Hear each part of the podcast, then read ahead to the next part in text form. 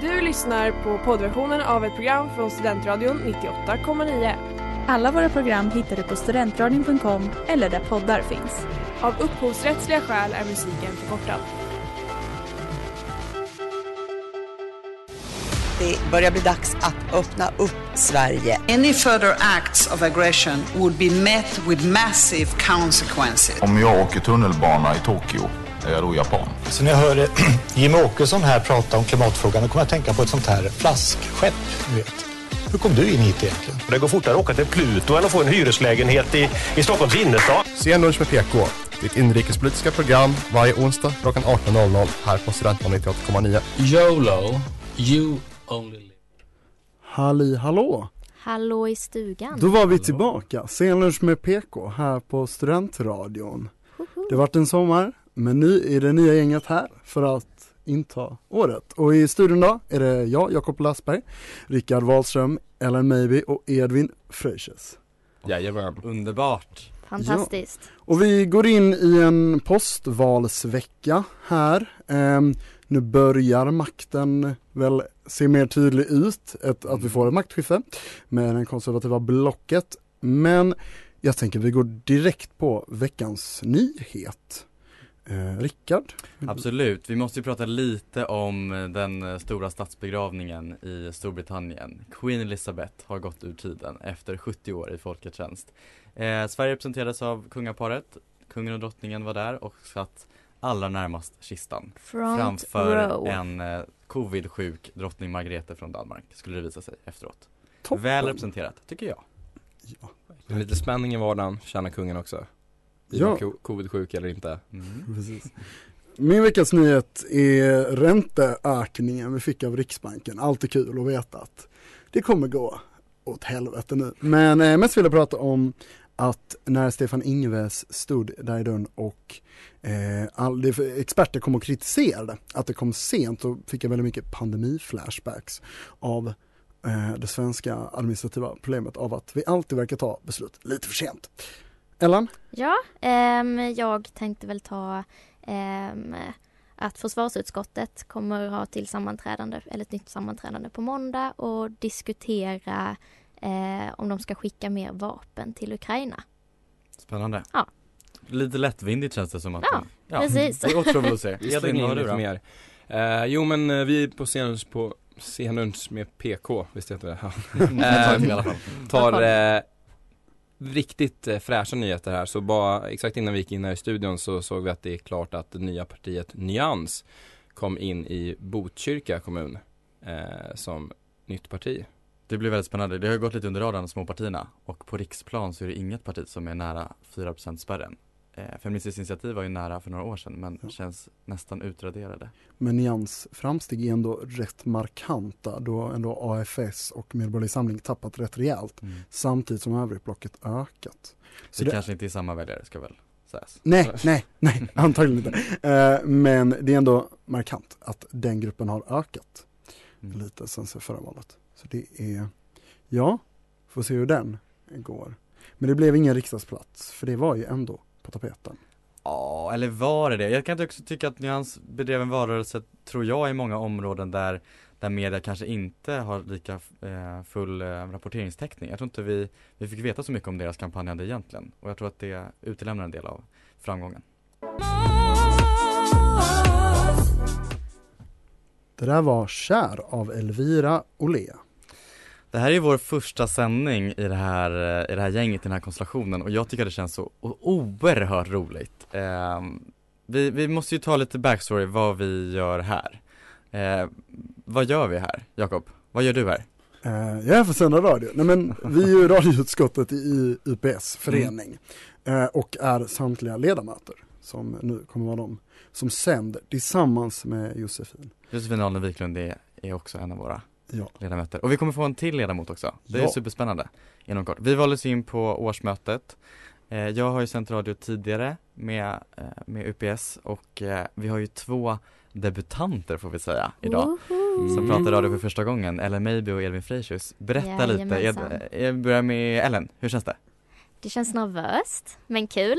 Jag är väldigt taggad. Det ska bli kul att få lära sig mer av en, expert som dig och Jakob. Livsfarligt. Eh, jag känner att eh, jag kan vara den som ställer en del eh, frågor till er. Sätter jag på er spets. Inga svar ska du bidra med? Nej, inga svar. Eller jo, kanske det. Det beror Ett på. annat svar? Ja. Ett annat svar. Eh, ett annan diskussion i alla fall.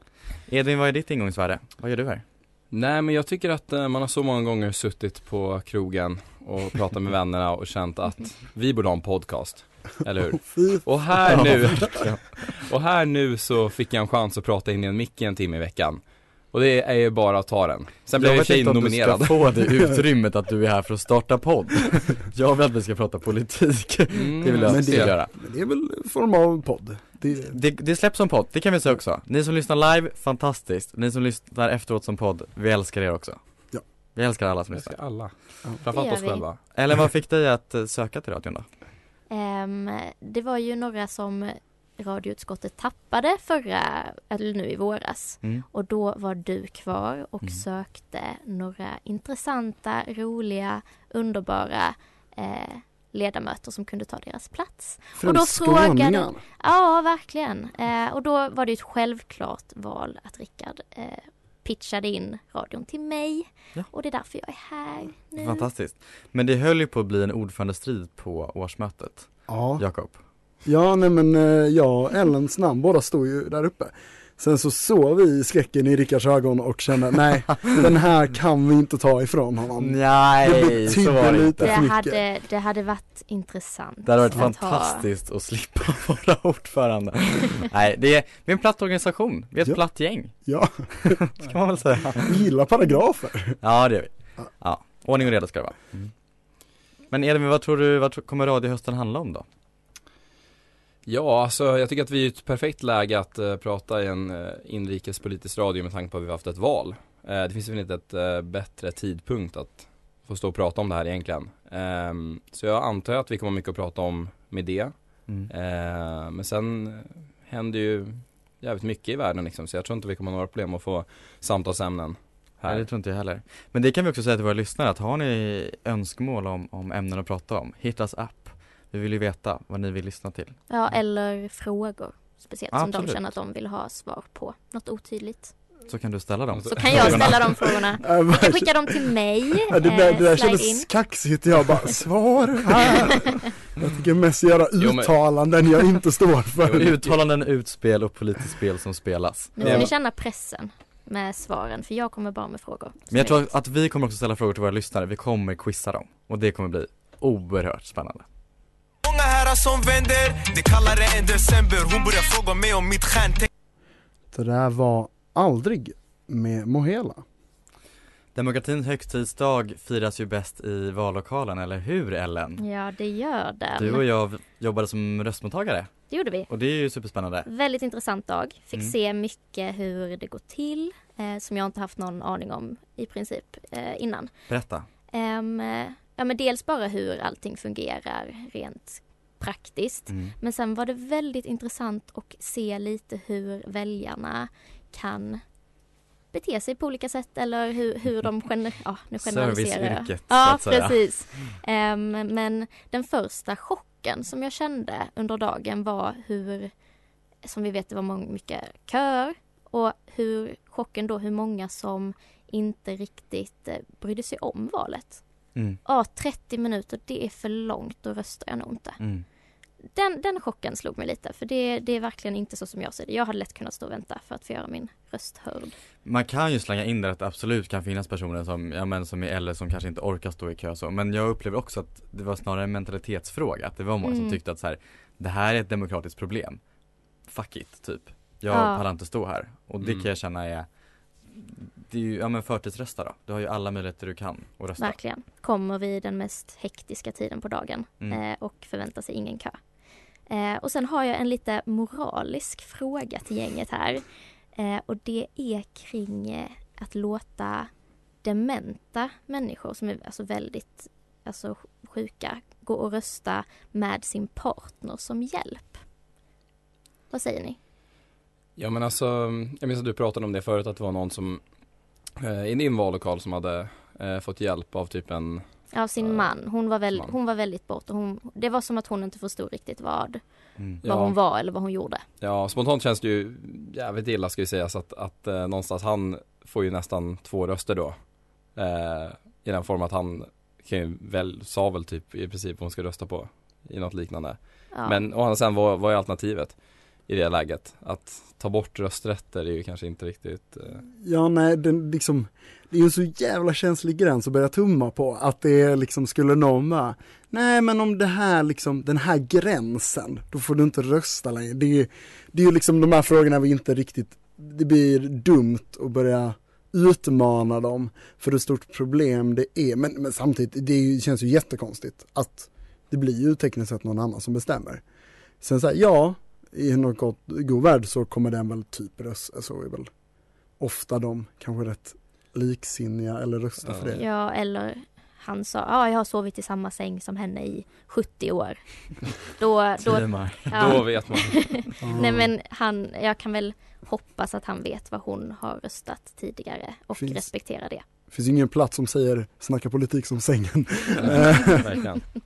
Men samtidigt så måste man ju också kunna få ändra parti även om man är gammal. Ja Alltså det såklart. är också konstigt. såklart. Men jag tänker på det, för som röstmottagare så har man ju tystnadsplikt eh, och den möjligheten att ta hjälp av en, en röstmottagare i vallokalen det tycker jag inte är kanske tillräckligt tydligt för väljarna att, att den Mm. möjligheten finns och kanske inte för medföljande heller att, att använda sig av dem istället för att man då står med sin partner eller vem man hjälper, att man står två bakom valskärmen utan att man tar hjälp av en röstmottagare istället. Utan där upplevde jag att där får vi snarare ta det initiativet och möts lite av så här, men vänta håll dig borta, för jag, min röst är helig och det är den ju.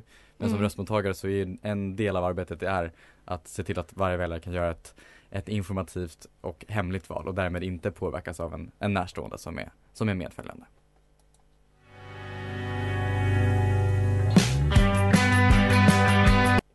Det där var Gary Ashby med dry cleaning. Det har ju varit val som sagt eh, och det har ju skett eh, val även för, för skolungdomar. Skolval är ju en eh, populär grej. Det är många som, som eh, skolor som anmäler sig och deltar. Jag tänkte att vi skulle prata lite grann om det där för det är lite spännande. Det skiljer sig ganska markant ändå eh, resultatet i skolvalet från, från det nationella resultatet till riksdagen. Har ni någon gissning om hur det ser ut? Eh, Jag har ju tjuvkikat. jag har också ja. sett det innan så eh, Det har varit rätt mycket minuter. Men man kan ju säga så här, jag hade ju verkligen inte gissat på det innan valet. Ehm, min spontana magkänsla är ju att eh, unga är eh, vänster och liberala. I Ja. väldigt hög Mm. utsträckning. det, det är den bilden jag också har. Men Ska det vi visade ju dra inte resultatet så att Ja. våra lyssnare är med också. Kör på. Eh, den stora eh, skrällen vet jag inte om man vill säga men, men stora skillnaden i alla fall är att, att Moderaterna och Sverigedemokraterna eh, är så starka. Moderaterna är största parti på 27% Sverigedemokraterna på strax under 21 procent. Sen har vi Socialdemokraterna på 16,2 procent följt av Kristdemokraterna på 9,3% Centern på strax under 8 procent och Vänstern också under 8 procent. Liberalerna och Miljöpartiet på ungefär 4,5 procent. Så att eh, det är väl, eh, och det tänker jag också för länge har det varit, nu vet jag inte de aktuella siffrorna, de är lite svåra att hitta också från ungdomsförbundens eh, medlemstal. Men länge har ju MUF varit Ja det men stora. MUF har även i denna valrörelsen. Vilket ändå, för jag är ändå van, men jag minns när jag var liten, då var ändå grön ungdom väldigt stora, har jag liksom Ja, jag minns det också. Eh, Men det var nu, alltså när, när vi typ 2010 där någon gång.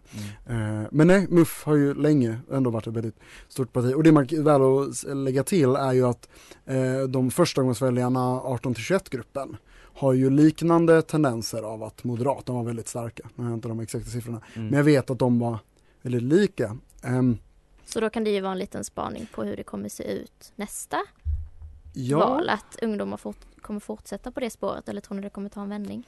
Jag tror att det finns flera dimensioner. Dels kan jag tänka mig att eh, vi vet ju att det är liksom den här volatiliteten, att man gärna byter parti, eller att man är inte är lika partitrogen, att den, Mm. den är stor bland, bland yngre väljare om man jämför med äldre. Så jag tror inte att man är lika trogen, eller man är inte lika trogen på samma sätt. Så det, det tror jag är en del.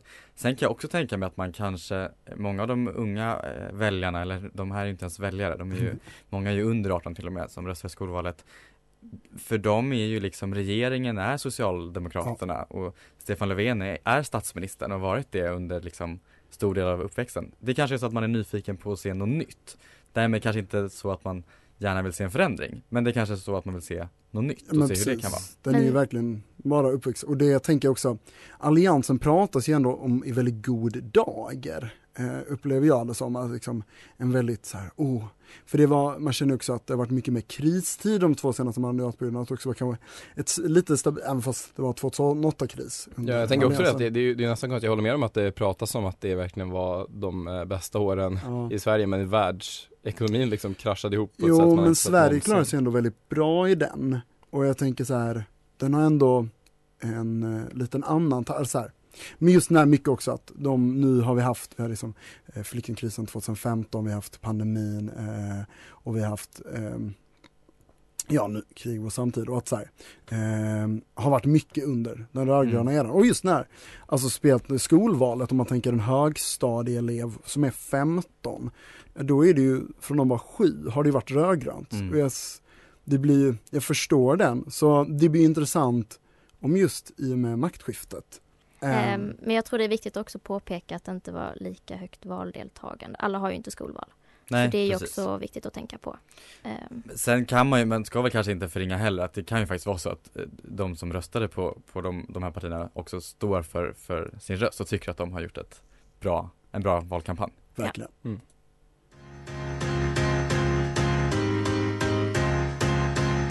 Det där var Speed Trials on Acid eh, av Carl Cox, Fatboy Slim med flera. Jajamän, och nu när vi pratat lite om Sveriges skolungdom så kommer man ju att tänka på det som kännetecknar dem fram, framför allt och det är ju festande. Från festande ska vi prata om festande politiker. Eh, vi alla såg ju på SDs valvaka då när tjänstemannen från SD, eller tjänstekvinnan, eh, sa helgeseger och hela den eh, Tjolahoppsan. Ja exakt, hela den eh, krisen kan man nästan kalla det. Eh, men ännu kändare är väl eh, från eh, vårt grannland i öst med Finlands statsminister eh, Sanna Marin och hennes skandaler kring eh, festandet med allt som släpptes därifrån. Så tänkte jag egentligen ställa frågan här i studion att eh, vad tycker vi om politiker och folk som innehar ämbeten i eh, våra stater? Ska de få festa eller vad ska de, eh, ska vi kräva av dem att de håller sig från flaskan? Ja, vi, vi, vi bollade lite den här diskussionen två sekunder innan. Eh, och för det som var, jag var lite imponerad av den här SD-grejen på valnatten. För där är det så här väldigt tydligt partievenemang. Och att då bli väldigt berusad, alltså jag vet inte, det känns ju ändå som bara, okej, vi vet att det kommer finnas 20 olika nyhetsbyråer i rummet som kommer aktivt gå runt och intervjua er.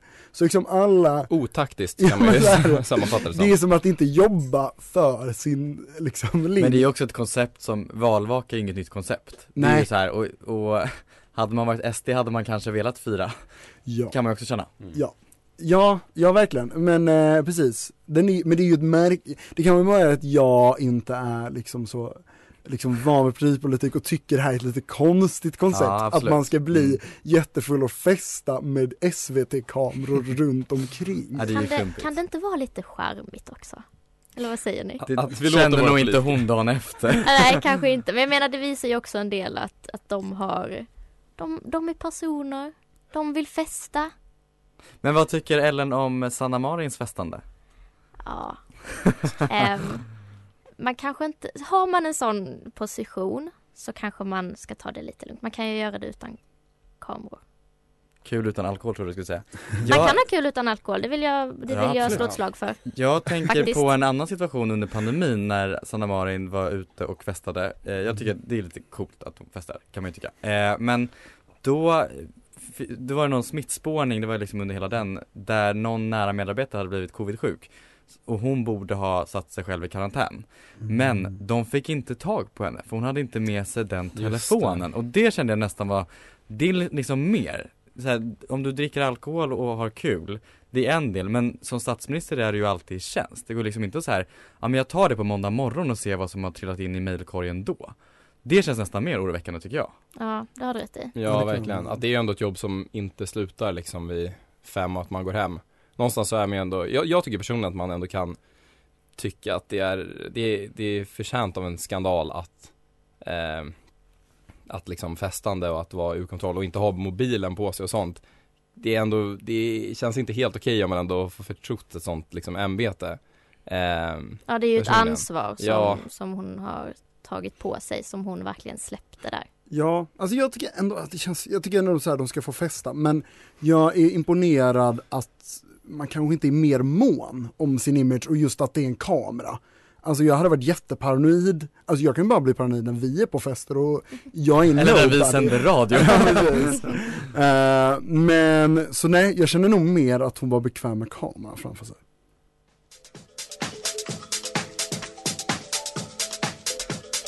Det där var ATK med Bonobo. Ehm,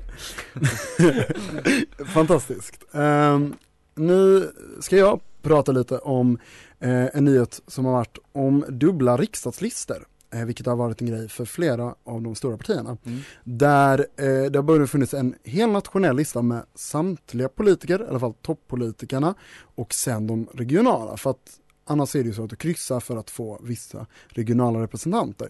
Men som- och om man tycker att det låter komplicerat så är det ju det. Ja, vi det är det. Det är inte en Alltså, enda det här som förstår det här. Jag och Ellen är fullständigt borta i nu. Det här är det alla var förvirrade Jag känner mig förvirrad när jag skulle hjälpa de förvirrade så att säga. Mm. Ja. Nej men så här är, eh, men det gör till exempel att Ebba Busch som egentligen tillhör Uppsala gick och kryssa i hela landet, vilket gjorde att hon blev den mest kryssade kristdemokraten. Kanske inte helt orimligt.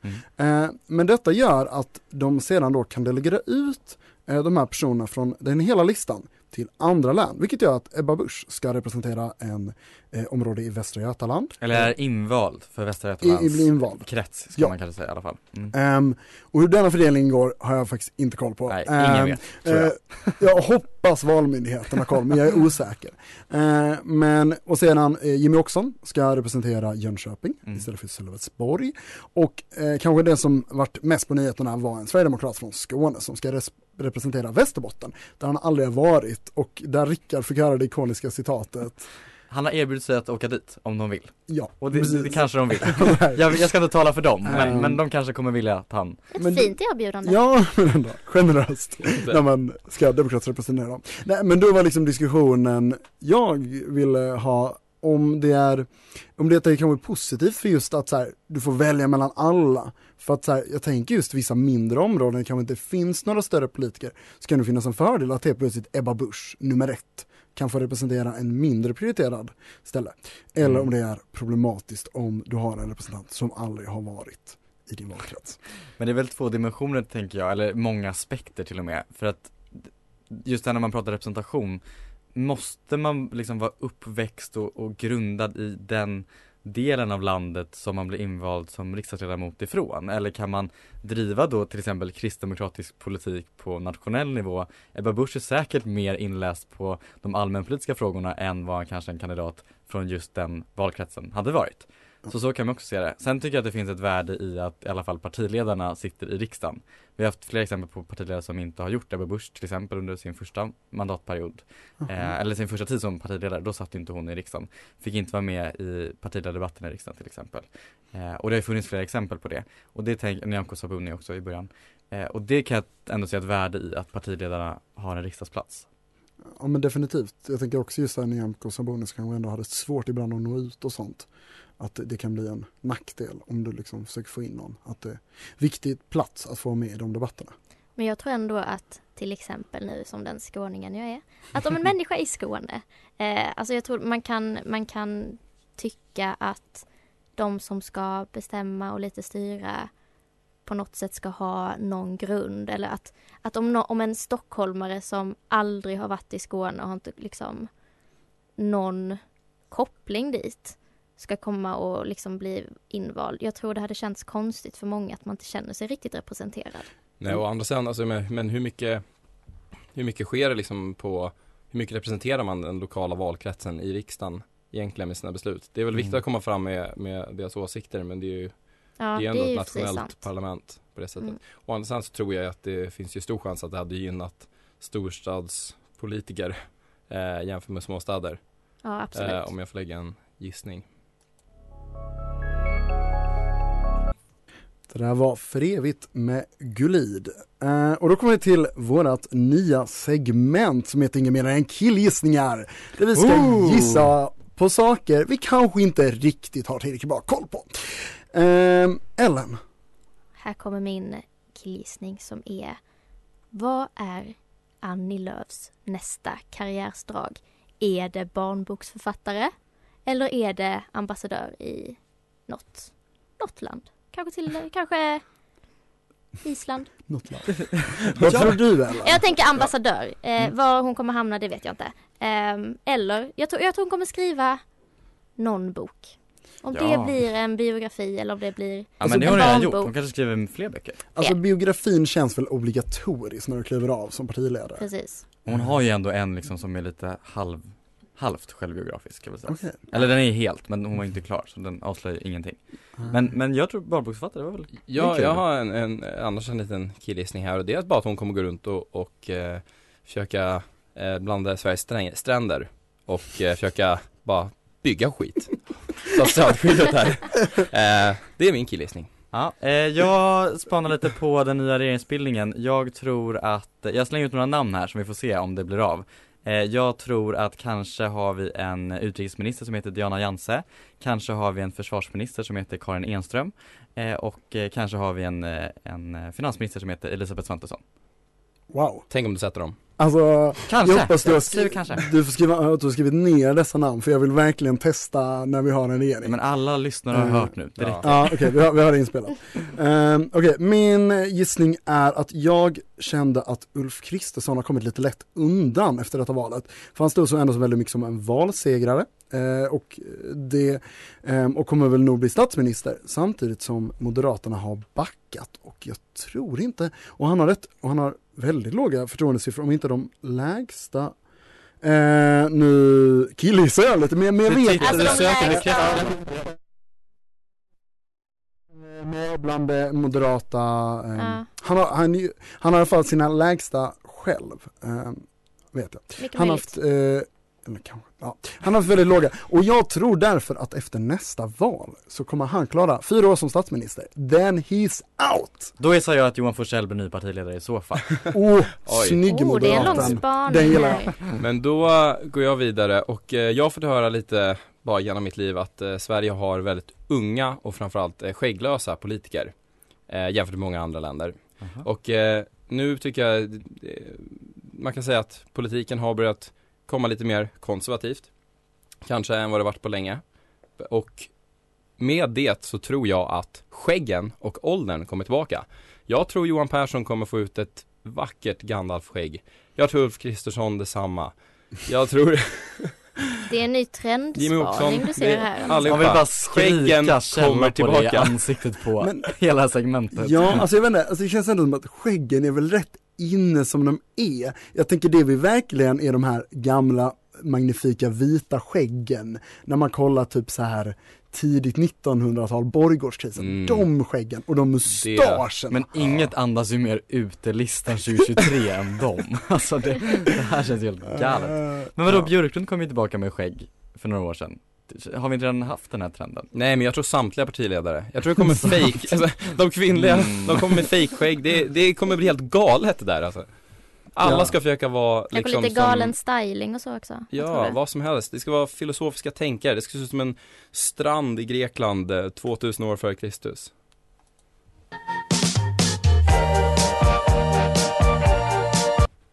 Det där var Sad Thinking of You med Clara Keller. Vår första radiotimme går mot sitt slut, men innan det är dags att avrunda så har vi en ny gäst i studion. Josefin Allen Wiklund, välkommen hit! Hello! Tack så mycket! Hur känns det? Nej men det känns bra, det känns bra. Eh, jag känner mig inte så uppvärmd som ni gör, men eh, jag tror det här kommer bli bra. Nu är ju vi, hela utskottet är samlade i studion. Vi kommer ju inte, varje vecka kommer ni inte höra alla oss. Ni kommer höra eh, några av oss i taget. Men vi kände att första En sändningen mix. så vill vi ändå få in Josefin. För du är ju, eh, bland mycket annat, radions quizmaster. Mm. En mycket viktig, viktig roll. Ja. Vad kommer det innebära?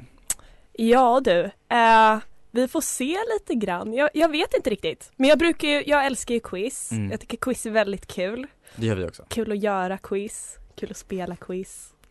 Du kommer få quizza oss på, på mycket, Mm. tror jag. Och Det blir kanske spännande. Jag kan ju inte så himla mycket om inrikespolitik så vi får se.